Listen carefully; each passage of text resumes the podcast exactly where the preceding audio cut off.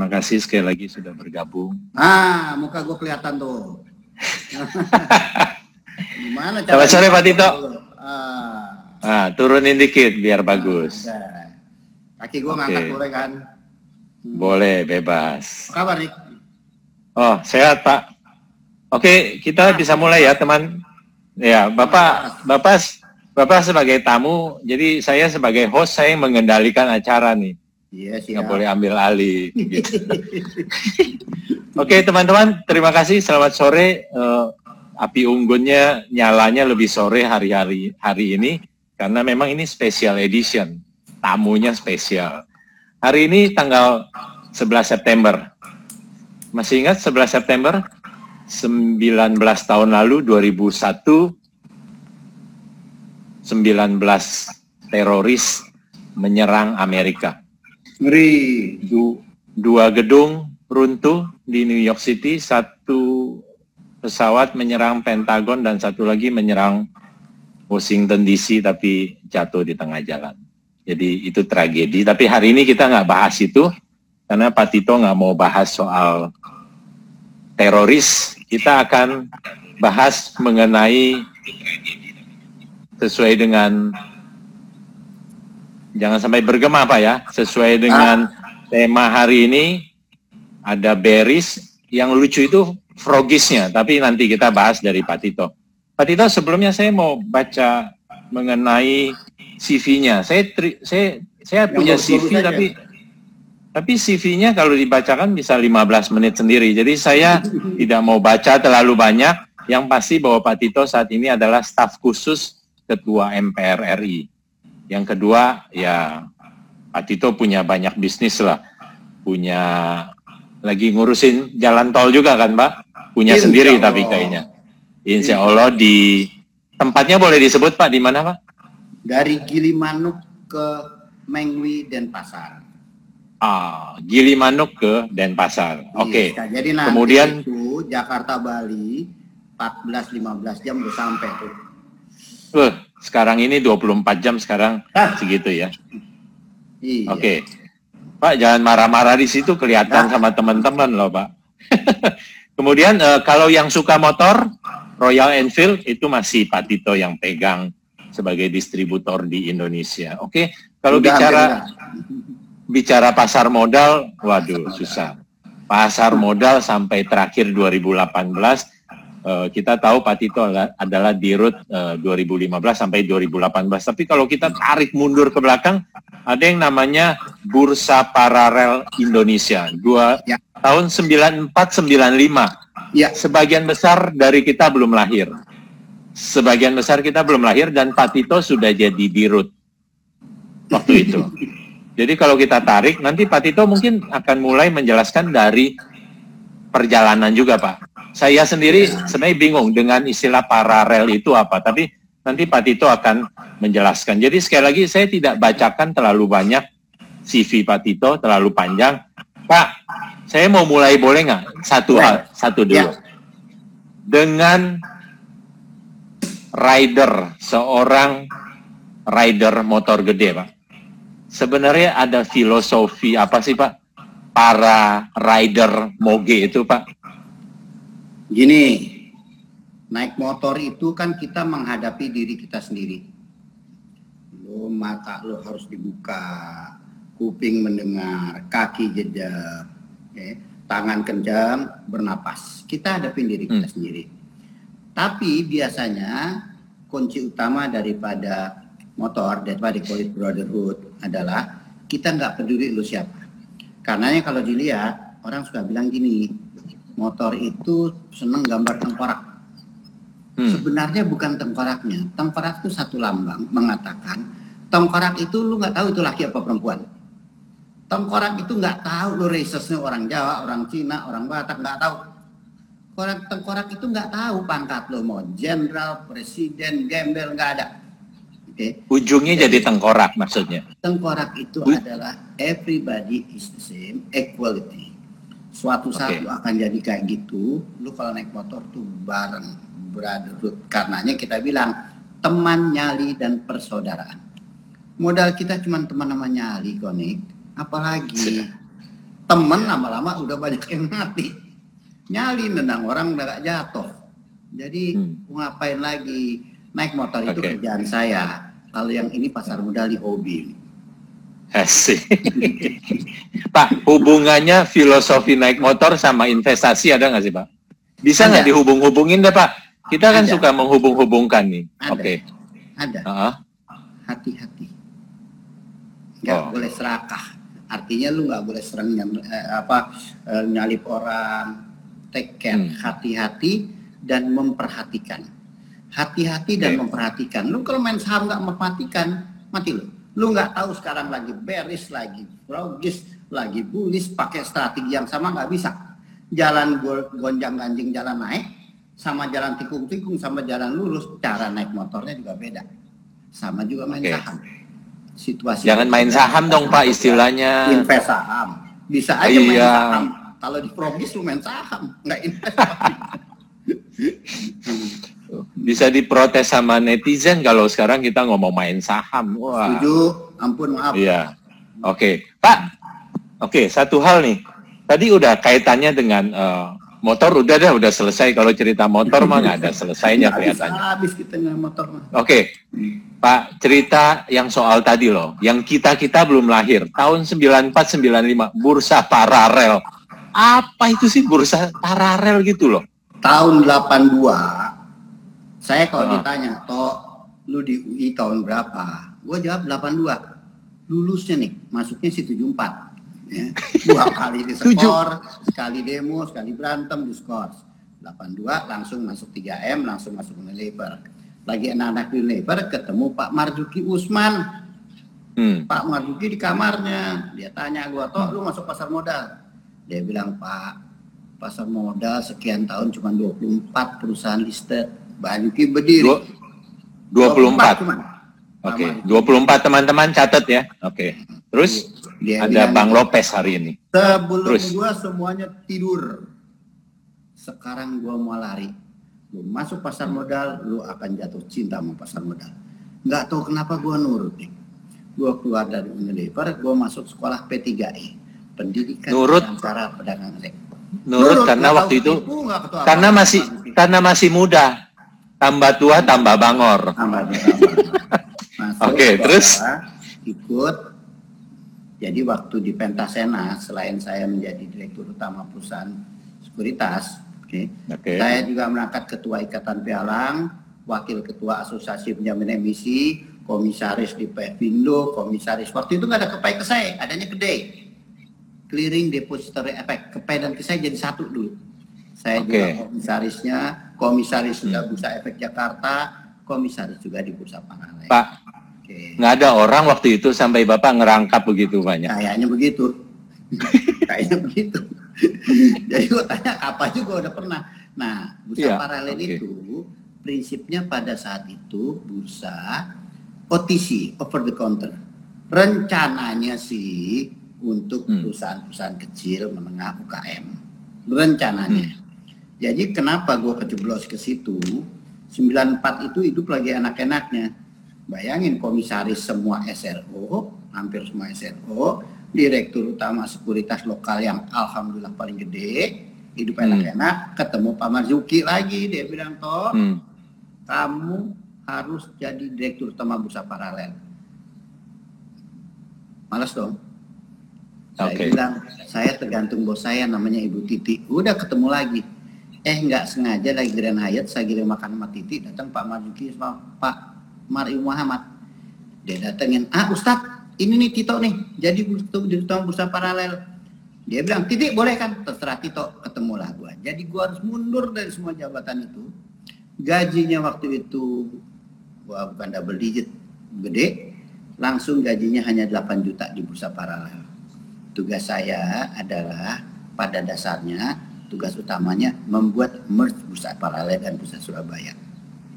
Bursa Itulah. paralel waktu itu namanya. Nah, bursa itu pada dasarnya paralel, jadi paralel sejajar gitu ya. E, sebenarnya uh -huh. itu OTC market. Gedenya okay. cuma obligasi waktu itu.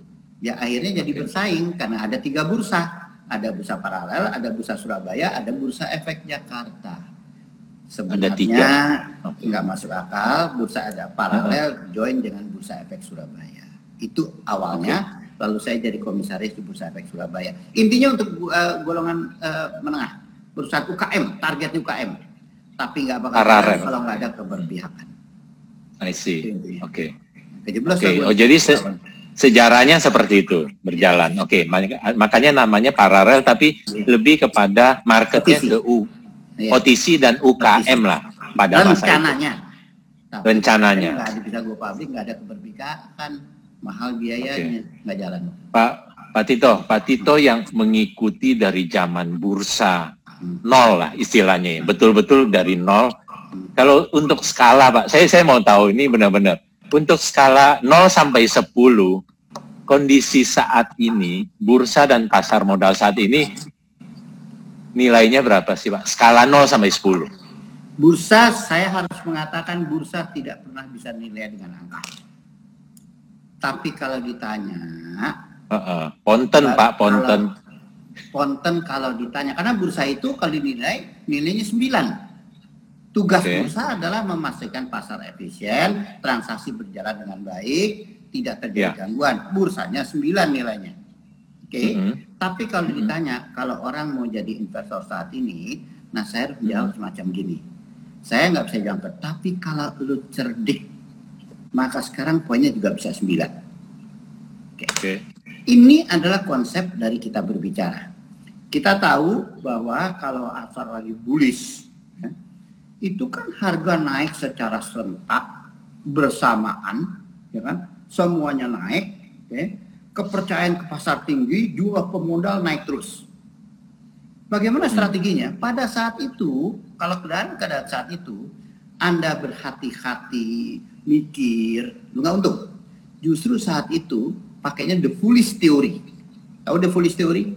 The kalau foolish theory. Foolish naik terus, foolish. Yeah. Selama ada orang lebih goblok berani beli dengan harga lebih tinggi, apa aja lu beli gitu. Oke. Okay. Prinsipnya gitu kan? Oke. Okay. Prinsipnya the foolish theory. Cuman harus tahu kapan mesti berhenti. Oke. Okay. Oke. Okay. Ya. Sekarang bagaimana kalau lagi bearish? Pasar tidak punya confident, harga saham terus turun secara menyeluruh. Prinsipnya satu, don't fall in love to your share. Jangan serakah. Artinya, lu harus berani cut loss. Mau tak terbuka. Hmm. Jangan cut loss. Nah yang menarik sekarang nih begini, buktinya nih ini sekarang udah kayak kodok tuh, lompat-lompat kayak gitu, frogis. Ini oh, okay. enggak, beres enggak. Lihat tuh, kemarin turun dua, naik dua, turun lagi. Ah, bergerak di antara hmm. 4.000 sampai 5.000, 5, 49 sampai 53. Kalau buat gitu rekomendasi saya, let's dance and have fun. Jadi, let's. perhatikan pasar, okay. setiap transaksi itu independen. Kayak main roulette. Jangan lu pikir kalau udah beli, naik harga uh, jual gue jangan beli lagi dong no no no, no. siap transaksi independen jika seseorang buat saya tahu bagaimana bermain pada saat yang baik saat ini nilainya 9 loh ini nikmat saat ini nih. Let's dance okay. and have fun. Contoh nih.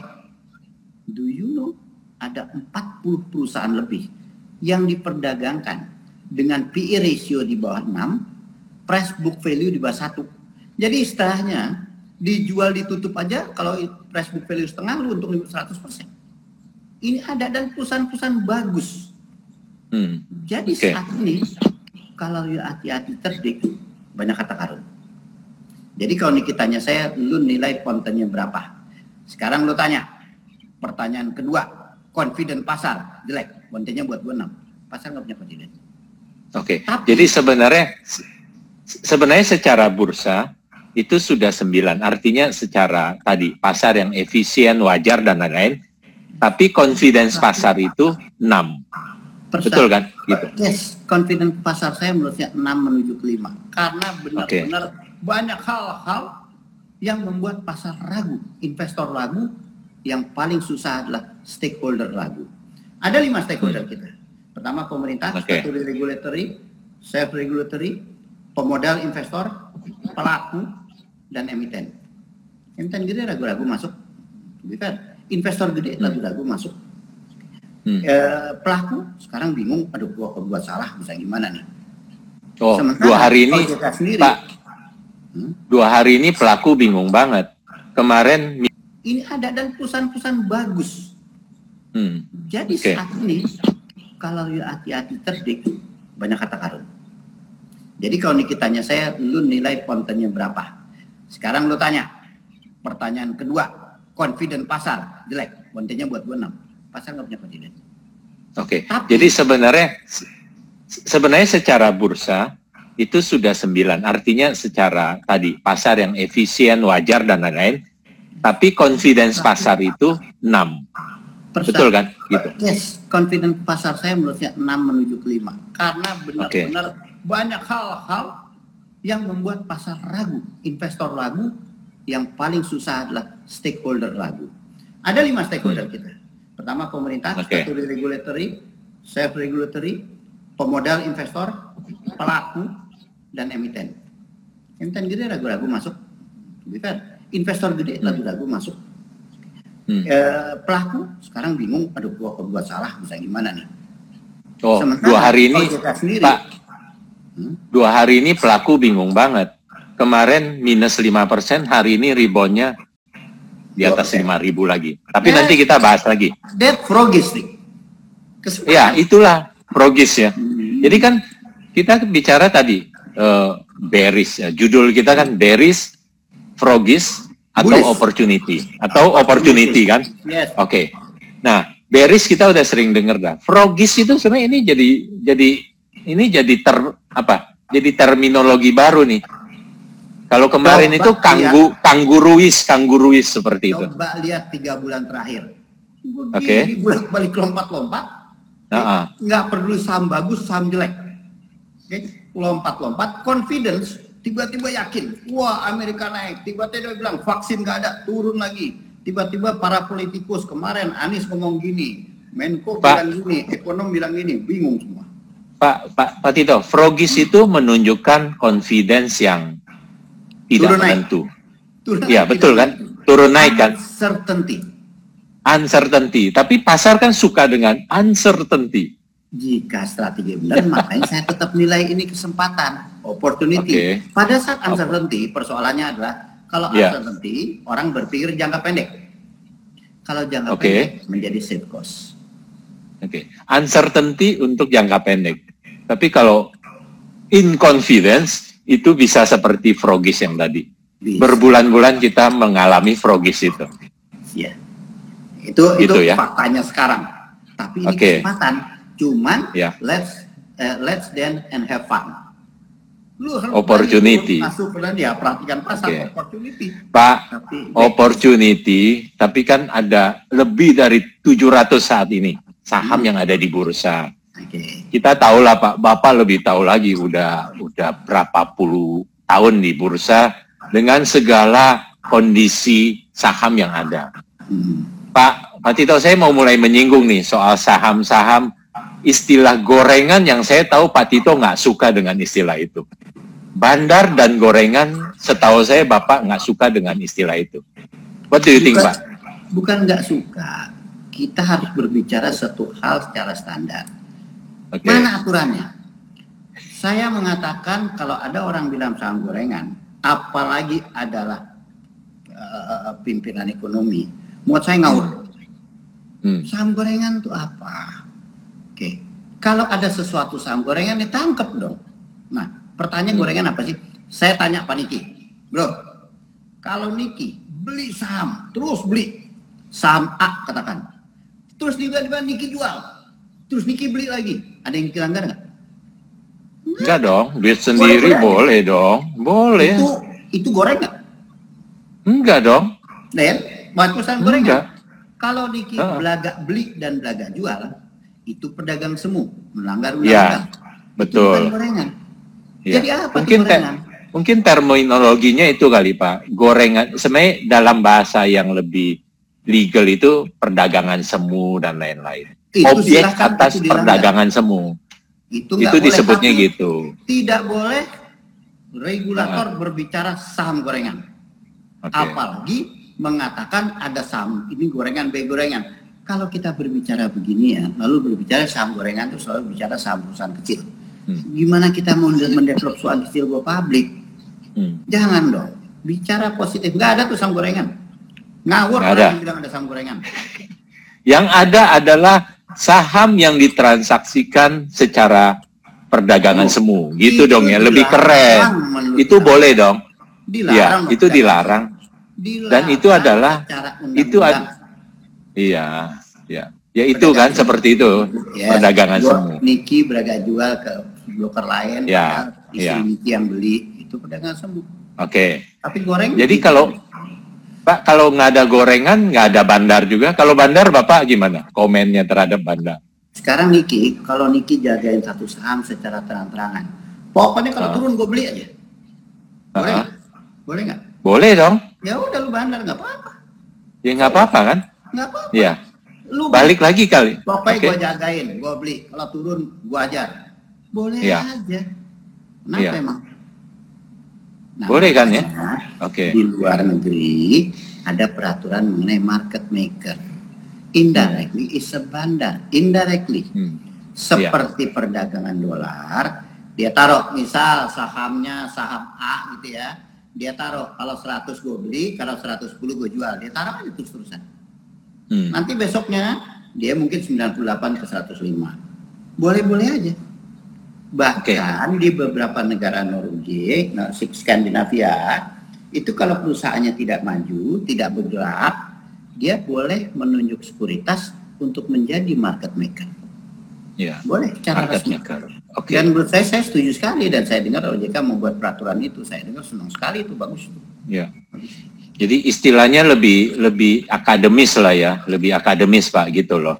Market maker atau saham tadi, saham yang diperdagangkan secara transaksi semu. Nah, itu kan jangan pakai istilah gorengan gitu loh. Masyarakat dengar istilah gorengan, istilah bandar udah pasti persepsinya kan udah jelek gitu loh Pak. Ya gitu ya? makanya ya? para pimpinan ekonomi, pimpinan regulator, janganlah bicara negatif isu. Jangan berbicara okay. sesuatu di luar peraturan, apalagi berbicara ada saham gorengan, ada saham ini, ada indikasi, nggak bisa dong gitu. Nggak bisa ya. itu. Lu nggak boleh intervensi pasar, tidak boleh menjat pasar.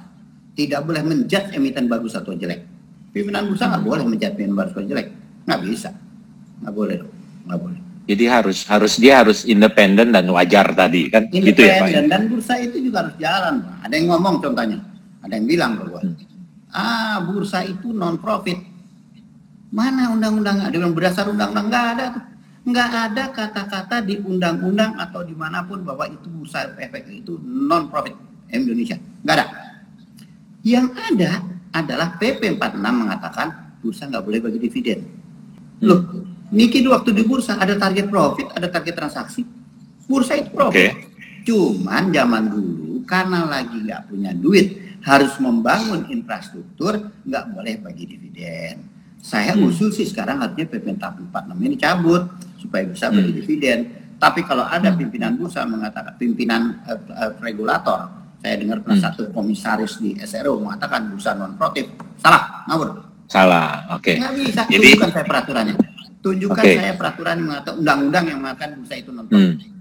Adanya PP Jadi, mengatakan tidak boleh bagi dividen. Tidak bagi dividen. Bedakan itu ya. Bedakan bahwa tetap bursa itu profit tapi tidak bagi dividen. Yes. Ya kan? Yes. Seperti itu. Hmm. Dulu ada cerita rencana mau apa demutualisme bursa di go publikan tapi kelihatannya masih jauh lagi tuh cerita itu gitu ya. Undang-undangnya.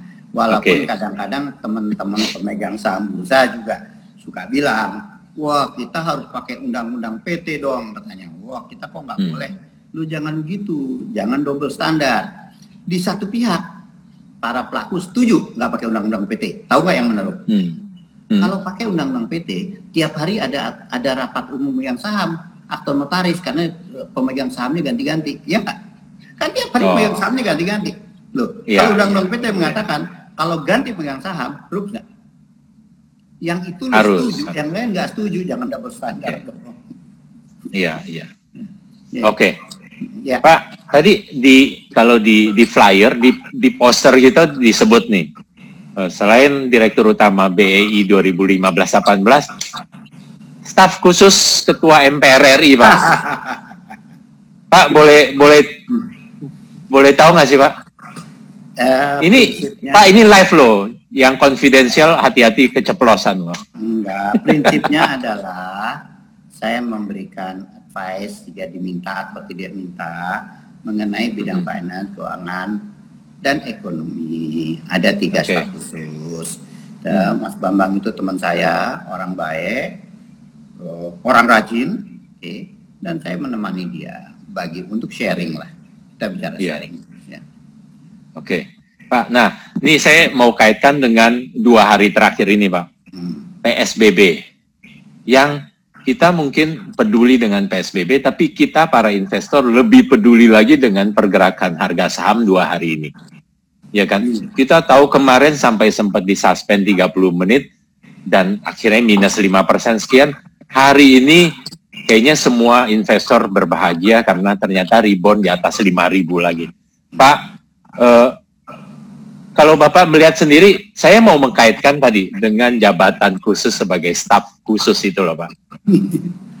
yeah. Dengan keputusan keputusan-keputusan politik, ya saya nggak mengatakan itu pure politik ya, walaupun itu untuk tujuan masyarakat. Tapi keputusan-keputusan seperti itu begitu besar pengaruhnya terhadap pasar kita Pak.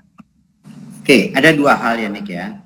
Pertama hmm. adalah saya sedikit berbicara kita ini masyarakat rakyat, pemodal, ikut khalifah kita. Khalifah kita pemerintah. Kita okay. cuma pengen pemerintah kita satu suara lah. Tiba-tiba Anies pimpinan ini mengatakan, oh PSBB kantor semua tutup. Tidak sampai sejam seorang uh, menteri mengatakan kantor tetap buka. Pusing kita dengarnya. Ternyata yeah. kita dengar bahwa ada undang-undangnya PSBB itu memang harus tentukan menteri. Tapi Anies juga bilang, loh kan yang menteri buat dulu PSBB belum dicabut. Buat kita yang penting adalah kepastian, uncertainty. Ini membuat progis tambah jalan. Uncertainty. Hmm. Karena katanya hari ini PSBB ditunda lagi. Itu kan hmm. Tapi kodok lagi ya, frogis lagi jadinya. Frogis okay. lagi. Menarik juga kan, lucu kan? Tapi yeah. ini ada satu yang menarik nih. Satu okay. yang menarik adalah bahwa ada Pak nggak ada yang konfidensial ya Pak ya? Nggak ada. Ini bukan negara. Okay. Ini balik ke saham. Iya, oke. Iya. Bahwa bahwa hmm. satu bukti ya bahwa ekonomi saat ini tidak direct langsung mempengaruhi indeks, mempengaruhi indeks. Orang okay. bilang ekonomi turun, ekonomi tapi persepsi, persepsi masa depan. Makanya orang selalu bilang ini, pasar modal naik mendahului naiknya perekonomian dan turun mendahului turunnya perekonomian. Iya. Ada ya. satu rumus untuk menghitung indeks.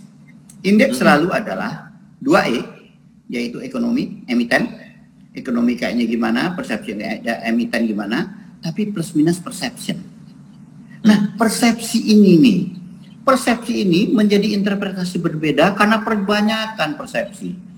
Karena hmm. pertanyaan tadi, corona dibawa ke politik. Corona tuh, well, apa pun itu penyakit, ya pasti aja yeah. orang kalau ada uncertainty mengenai penyakit menjadi hati-hati. Yeah. Yang saya katakan nih, persepsi sangat penting. Kita pernah ngobrol. Pasar lagi bagus, Pak Trump keselio jatuh, pasar turun dulu dikit. Apa hubungannya?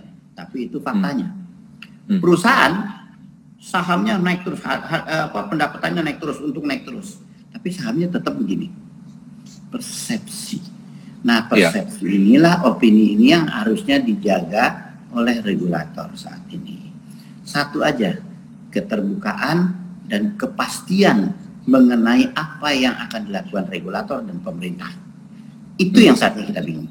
PSBB pasti aja.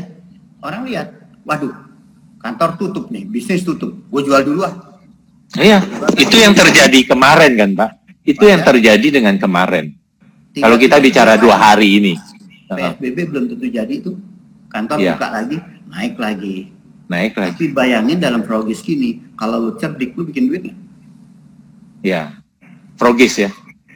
Progis. Yang kemarin beli, yang kemarin beli ya dapat duit. Yang kemarin jualan invest di malah saham gampang nih. Invest di saham ah. gampang. Beli di bawah, jual di atas sudah lu pasti menang. Benar nggak? kapan belinya, kapan jualnya. Ah. Dalam keadaan sekarang nggak bisa the foolish theory. Let's then and have fun. Don't okay. fall in love to your aset. Pak, satu hal yang menarik ya, satu hal juga yang menarik. Saya suka memperhatikan dan tadi ada satu IG yang berkibar-kibar bendera merah putih karena hari ini naik dua setengah persen. Pak hari ini ya asing melakukan penjualan saya saya saya kadang-kadang mau juga pakai parameter itu. Asing hari ini net sell 2,2 T. 2, T lah sekian. Itu kita bicara regular. Ini bukan angka pertama, udah 30-an T sejak awal tahun. Tapi hari ini mereka jual 2,2 T. Mungkin salah satu yang tertinggi selama ini. Tapi ternyata indeks kita naik 2, berapa? 5 persen tadi. Gitu. Pak Tito melihat fenomena asing dan lokal seperti apa Pak? Nih, kita sudah tahu lah. Ah. Kalau Niki taruh uangnya di hmm. Singapura, transaksi hmm. pakai broker investor di Singapura di sana, Niki yeah. investasinya asing di sini. Oke. Okay. Orang asing buka akun di Jakarta, RDN Jakarta, masuknya ke melalui custodian di treatnya lokal. Enggak Kita dong, asing dong Pak. Lo enggak masuknya lewat custodian, custodian transaksi. Oh kalau kas, ya tapi kalau dia buka atas nama dia tetap. Iya tapi dia masuknya ke custodian. Lewat okay. custodian. Yang paling gila lah saya tahu dan ini tidak melakukan aturan satu emiten mm -hmm. 60% pemilikan dia dia taruhnya di custodian di Singapura. Boleh kan? Oke, okay, boleh. Boleh dong. Tiap dia jual beli dicatatnya asing. Padahal hmm. asli pribumi. Dan okay. saya bisa mengklaim mungkin sekitar 30% emiten pakai nama asing padahal punya dia. Jadi saya agak sulit.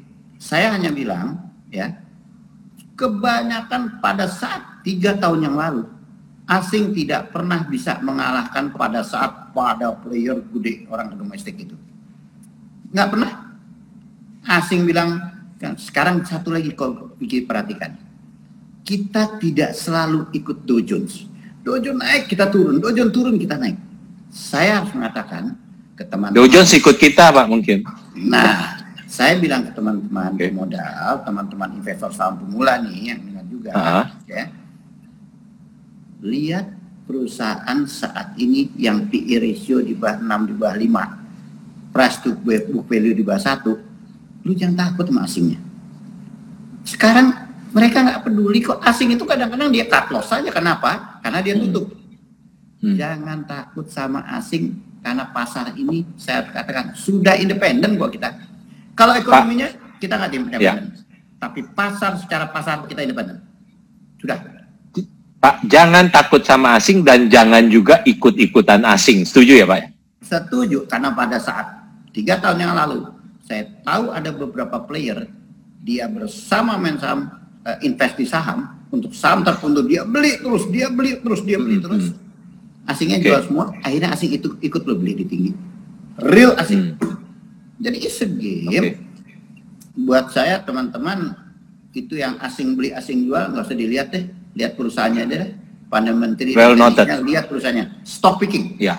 stock yeah. picking Oke, teman-teman ini pesan yang sangat luar biasa dari Pak Tito. Yang dilihat adalah fundamental. Tadi bicara PI dan PBV tadi sudah disebutkan. Dan yang kedua yang tidak kalah penting yang masih sebagian besar dari kita suka mikirnya oh asing lagi beli atau asing lagi jual. Pak Tito dengan tegas menyatakan lupakan itu. Betul ya Pak ya? Udah Sama. jangan ngomongin jangan ngomongin soal asing-asing dan lain-lain. Yang dilihat adalah fundamental. Oke, Pak Tito, satu hal. Oke, kita nggak bicara asing, tapi saya mau bicara investor lokal. Ya, Bapak melihat seberapa kuat sih sekarang kita. Walaupun saya nggak bicara membandingkan dengan asing, yang tadi asing atau apa pun, tapi nggak, saya cuma mau mendengar Pak Tito, seberapa kuat sebenarnya kita saat ini Pak, investor lokal kita. Kita tahu kok pada dasarnya non non uh, warga negara di semua tempat mereka konsentrasi negaranya sendiri saat ini. Oke. Okay. Even yang personal ya, even yeah. even even fund manager yang di luar pun dia priority satu, like it or not, safe haven investment. Emas makanya naik, masuk ke negaranya, you like it or not. Hmm. Oke. Okay? Hmm. Jadi saat ini memperlihatkan bagaimana kita nih hebatnya apa? Frekuensi kita gila loh. Frekuensi kita tuh terbesar di ASEAN. Pernah sejuta loh Niki. Dulu kita 400 yeah. ribu per hari bangga. Kita ini lebih dari 7-8 kali Singapura. Frekuensi kita nomor satu terbesar di ASEAN frekuensi perdagangan kita. Saya dengar pernah sejuta bahkan itu. Nah itu Emang. memperlihatkan domestiknya kuat. Domestik kita udah kuat kok. Iya. Handicapnya okay. memang. Uh. Memang diakui duitnya sedikit. Inilah bayangkan yang namanya Apple market capnya 2 triliun dolar. Kira-kira 30 ribu triliun. 30 ribu triliun. Hmm.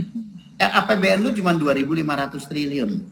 Cadangan devisa lo itu 1.700an triliun. Iya hmm. enggak? Market yeah. cap lo 6.000 triliun. Dia itu satu Apple 20.000 triliun. Yang dasar dari Apple lagi ini adalah cashnya dia, cash on hand dia bisa dipakai bayar setengah utang Indonesia. Jadi memang your market just too small, emang negara yang nggak punya duit. Contoh nih, ya. BlackRock tuh uangnya 70 ribu triliun. BlackRock uang aset under management. Hmm. Kita memang duit kita sedikit.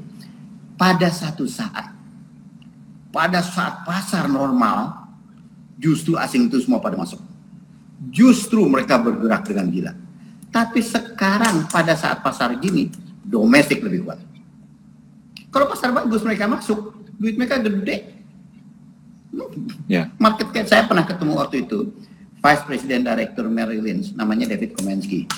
Saya diundang dia, saya waktu eh, direktur bursa paralel, bikin tiket tuh, nih. ngobrol, makan, nyerutu, dia tanya, lu masuk ke Indonesia dong?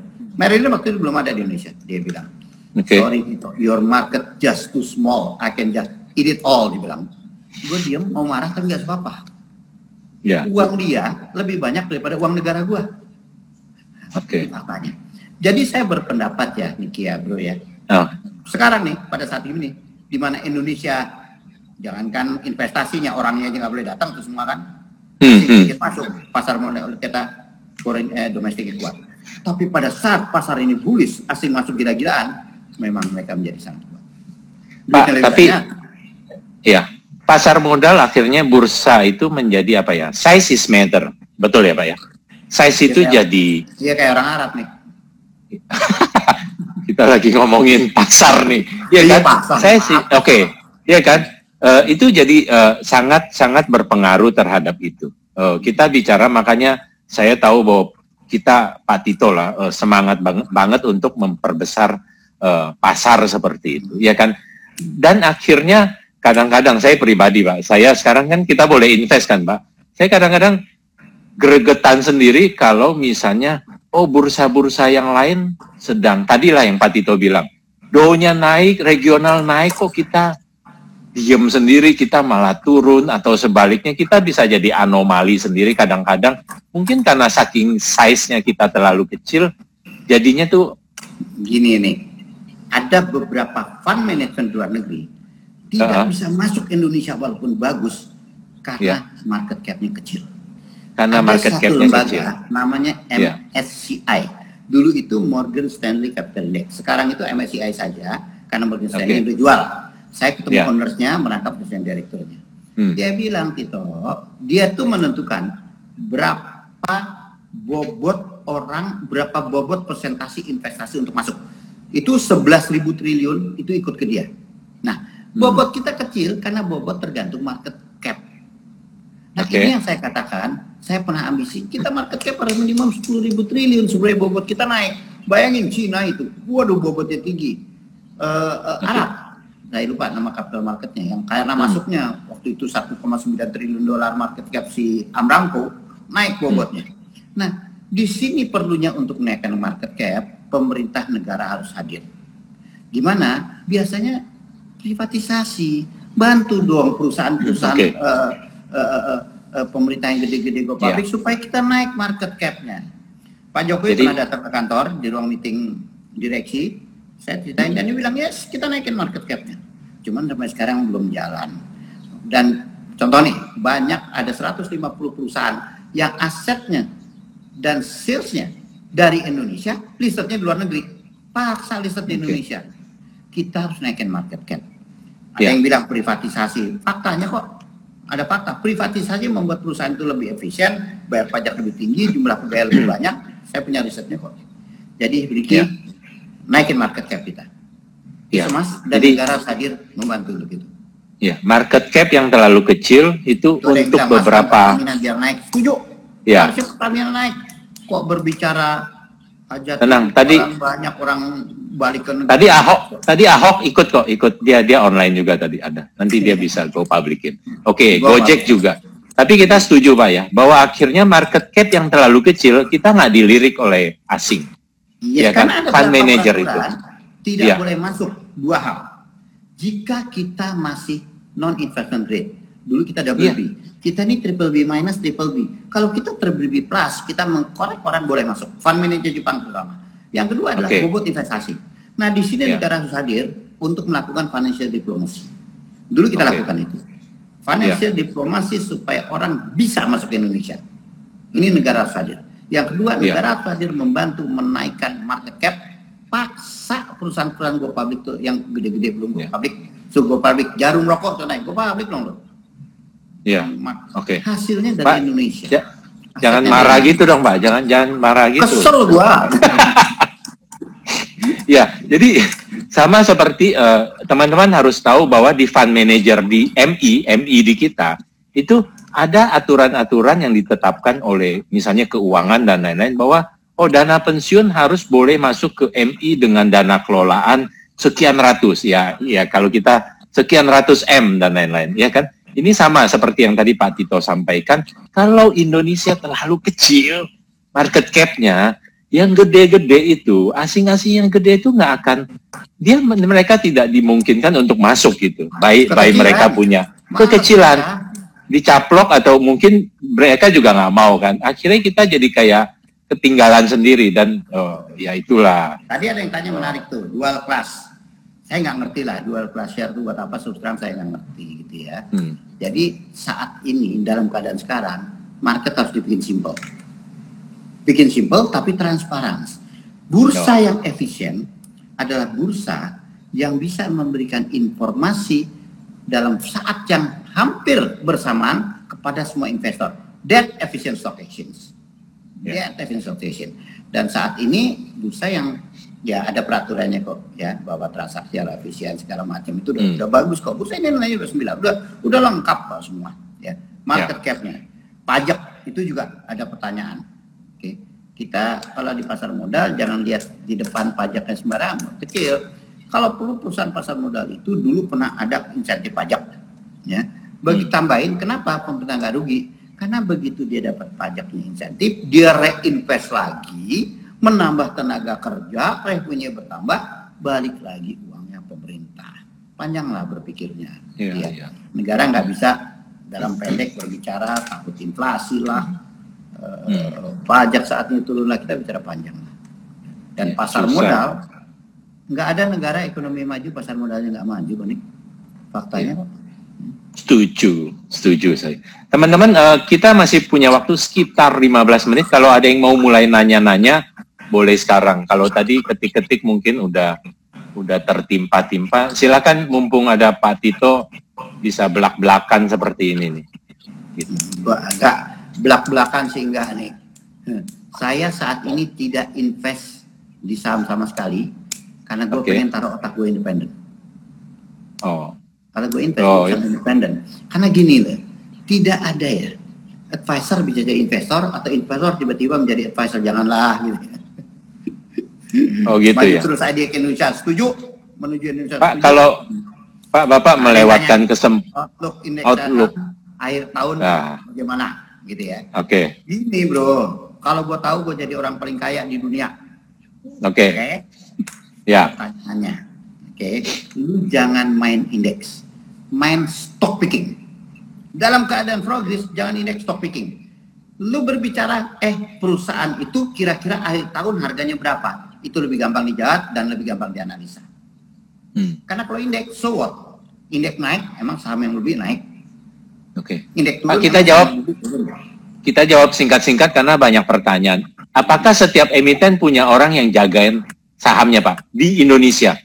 Tidak, Saya biasa ditanya sekarang, ada. Selalu ada yang jaga, Pak. tidak Oh, tidak. semua emiten. Tidak, Tidak semua emiten. Oke. Yang tidak Tapi yang mana, Pak? gitu. Gini, Oke. Kalaupun perusahaan itu gede, bagus, jalan, tidak ada orang bisa melawan pasar. Oke, sip. Jadi Clear. kalau lu berbicara perusahaan yang ada bandarnya, lu Ya. short term perusahaan itu juga sebentar kok. Udah gitu tujuan dia kecapai dia kabur lagi. Oke, jawabnya seperti itu teman-teman. Jawabannya akan singkat-singkat. Ada pertanyaan. Pak Tito, ada pertanyaan soal 10.000 meterai, harga meterai 10.000 yang akan diberlakukan terhadap transaksi saham di atas 5 juta. Dan itu adalah kontraproduktif untuk perkembangan investor retail kita. Dan di situlah saya rasa SRO bisa bergerak mengeksplain. Karena kadang-kadang kadang-kadang ya ada hal-hal secara teknis yang dia tidak sadar agak sulit gitu ya. Hmm. kalau trans- setiap transaksi kalau orang belinya cuma lima lot dua kali bulak balik bulak balik habis untungnya dengan itu dong menurut Iya. saya pemerintah harus melihatnya panjang belakang bukan Iya. ambil pajak di transaksi tapi karena transaksinya bertambah orang gampang cari dana yang efisien perusahaannya jadi gede revenue Hmm. naik tenaga kerja naik pajaknya Hmm. bertambah janganlah di Iya. depan nggak setuju Jangan ngambil dari 10 ribuan dong, cebanan gitu Ya, yang dilihat. Dan saya minta SRO gerak dong. Langsung Oh, datangin tuh Mbak. oh tenang. Saya dengar SRO udah gerak Pak. Tadi Alhamdulillah. katanya. Alhamdulillah. Top. Seperti Itu ada itu. pertanyaan kualitas saham IPO. Nah, ya Pak. Lu bisa untung nggak? Oke. Tidak ada orang bisa menilai kualitas saham. Emang kalau Hmm. perusahaan itu sekarang rugi, lebih bagus dari perusahaan bagus. Lu ngeliatnya Oke. setahun, dua tahun, tiga tahun, atau lima tahun ke depan. The Hmm. foolish theory juga lu lihat. Jadi saya nggak bisa ngeliat kualitas. Oke, tidak ada orang bisa menilai kualitas saham dan tidak boleh Kualitas, Pak. ini Kualitas bagus. perusahaan bisa dong, kualitas perusahaan. Apa kualitas saham dari nggak? mana? Dari- Kualitas perusahaan dong. Oh, dia udah mana? berjalan sekian puluh tahun, profit dia dari waktu ke waktu naik gitu loh Apakah Pak. perusahaan Gojek yang baru berdiri lebih jelek dari perusahaan yang lebih lama? Enggak juga. Lu Oke. lihat tiga empat tahun ke depan perusahaan itu dan itu Ya. judgment semua pribadi. Oke, Stop picking lah. Stop picking. Stock picking. Hmm. Kualitas saham IPO. Tadi apa?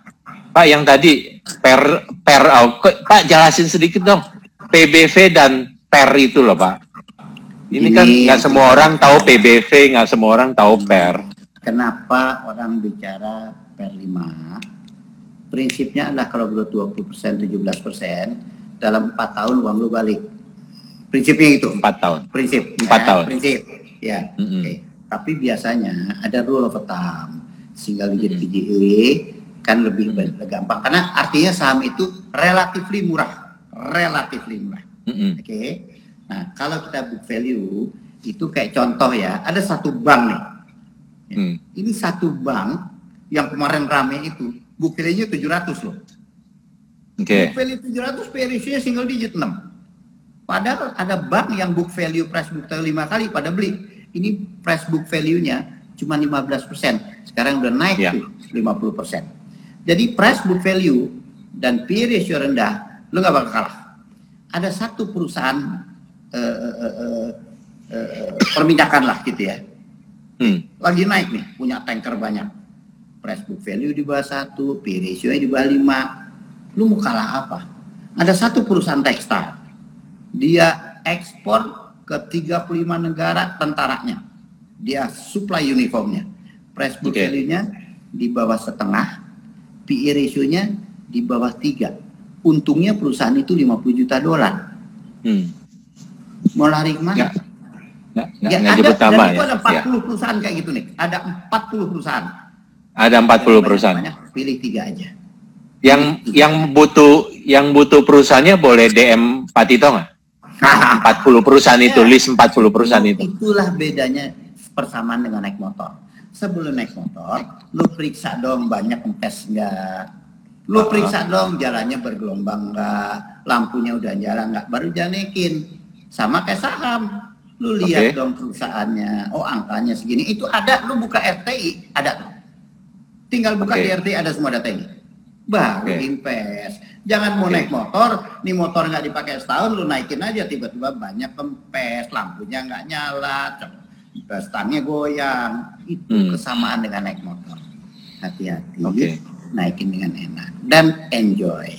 Lo kalau invest di saham lo nggak enjoy, emosi lu pakai, rule number one, serakah lu keluar, lu nggak bakal menang. Mendingan keluar aja, nggak usah invest. Rule number one, don't greedy. Lu untung 364 hari, rugi sehari, hilang semua untung. Oke. Okay. Oke. Okay. Jadi satu harus tadi ya, hmm. harus enjoy, teman-teman. Invest itu harus enjoy. Kalau nggak enjoy, tidur nggak enak, makan nggak nyenyak, makan nggak enak, jangan invest. Invest makan itu harus enjoy. tidur nggak enak, ya, betul. Ini sengaja, oke. Okay. Yang kedua, yang tadi, ya kan, jangan greedy. Greedy itu bisa banyak banget titik-titik di invest. Ya, mulai ya, dari awal sampai akhir. Motor Patito sering dipanasin nggak? Pertanyaan nih, paham sama motor Patito gini gini gini. Orang hidup harus punya hobi Ya. Kalau lu nggak punya hobi, minggu hmm. you just woke up in the morning, you don't know what to do. Kadang-kadang hmm. motor gue tuh pagi gue bersihin, gue panasin. Belum selesai gue tinggal. Sore gue bersihin lagi nih, gue pakai juga enggak. Hobi itu. Hobi. Hobi, hobi. bikin lo excitement, dia hidup. Bikin lo itu. Okay. Orang hidup hidupnya hobi. Jadi harus cari hobi teman-teman semua, ya kan? Hmm. Harus ada hobi. Pak Tito, saya mau nanya. Sekarang saya yang nanya, Pak. Nah, ada pertanyaan satu nih. Gue eh. sekarang gue tanya. Ada satu yang menarik dari uang, dari emas. Ada yang orang bilang, tau emas gimana? Ah. Ingat ya, Bretton Woods Convention zaman dulu, uang harus dinilai dengan emas. Tiba-tiba udah ngaco tuh. Amerika nih ngecek uang seenak-enak aja. Emasnya dia nggak hmm. peduli. Oke. Okay. Sudah hmm. ada Indonesia, gua nggak tahu dah cadangan emas kita menurut gua sesuai dengan nilai uang kita. Ada ya. satu isu meriset, meriset keuangan dunia. Tapi gini, yang menguasai uang itu menguasai dunia. Ini kita bagaimana Cina zaman Heng dulu saya bisa cerita banyak nih. Gitu ya. ya. Nah sekarang Cina kan keluar Libra Bitcoin. Cina berpikir akan mengeluarkan yuan yang didukung dengan emas. Dia belanja emas banyak. Permintaan emas memang meningkat nih. Bayangin okay. bisa sejuta. Lu tanya gua itu saya Pak. Oke. Okay. Pak, ini udah mendekati akhir jangan jawab pertanyaan yang di sana. Saya ada satu nyimpen satu pertanyaan terakhir soalnya. Ini pertanyaannya begini Pak. Pak Tito, umur yeah. udah kepala 6 atau kepala 7, saya nggak tahu lah, udah 6, oke. Okay. Sekian puluh tahun di bursa dan sekarang cucu udah 2, 3, 4, 4. Cucu udah 4 lucu-lucunya. Kok masih sih Pak mikirin pasar modal masih aja nulis masih aja posting masih aja mau diajak live begini loh dan ngomongnya sampai mata melotot melotot seperti itu.